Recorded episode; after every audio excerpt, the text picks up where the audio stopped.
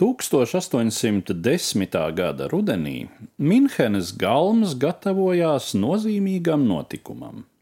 Bavārijas karaļa Maksimiliāna I dēls, kroņprincis Ludvigs, grasījās apņemt par sievu Saksijas Hildburghausenes hercoga meitu, princesi Terēzi.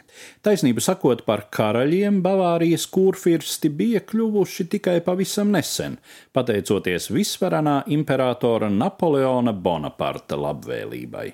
Austrijas Habsburgi, kas kontrolēja situāciju Centrāla Eiropā iepriekšējā gadsimtā, to nekad nebūtu pieļāvuši, bet tagad te visu noteica mazais Korsikānis, un Bavārijas Vitelsbachi bija viņa uzticami sabiedrotie, jauniegūto karaļu kroni atkalpodami ar līdzdalību imperatora militārajās kampaņās.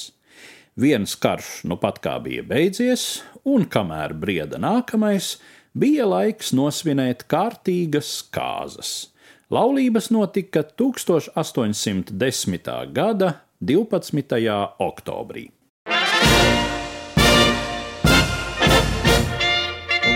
Vitelsbachiem izdevās saglabāt karaļu titulu arī pēc tam, kad Napoleons cieta galīgo sakāvi un beidza savas mūža gaitas tālā aiz jūras salā.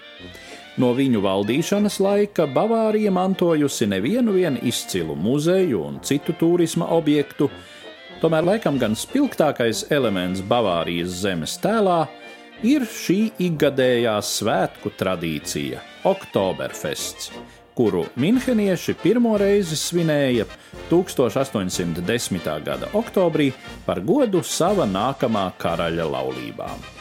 Toreiz karaļnams lēma, ka prinča kāzām jābūt īstiem tautas svētkiem, un tautai tā iepatikās, ka svētkus Minhenē oktobra sākumā sāka svinēt katru gadu.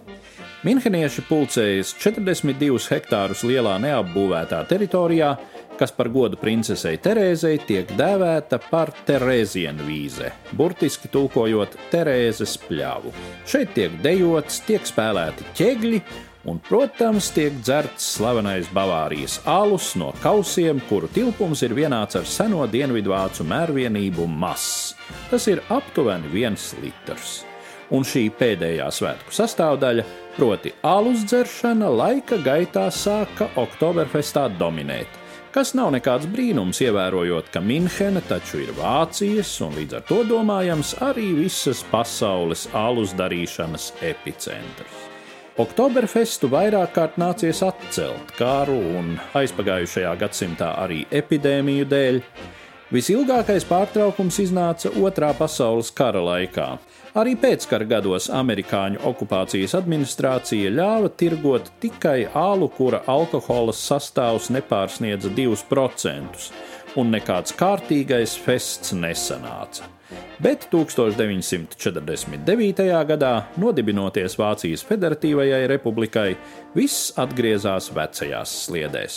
1950. gadā Minhenes mērs, izskanot salūta zalvei no 12 lielgabaliem, svinīgi iedzina krānu pirmajai mucei, augšvācu valodā skaļi paziņojot: Otsapftis!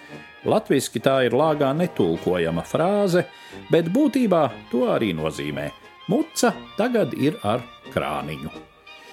Mūsdienās Oktoberfests ir pats apmeklētākais līdzīgas ievirzes notikums pasaulē. 1999. gadā apmeklētāju skaits sasniedza jaunu rekordu - 6,5 miljonus. Šo masu ikdienas apkalpo 12,000 darbinieku, no kuriem vairāk nekā pusotras tūkstotis ir slavenās viesmīles, kuras lavierē starp galdiem ar pieciem pilniem mazs katrā rokā. Vēl var piebilst, ka Oktoberfests nav nekāds turistu pasākums.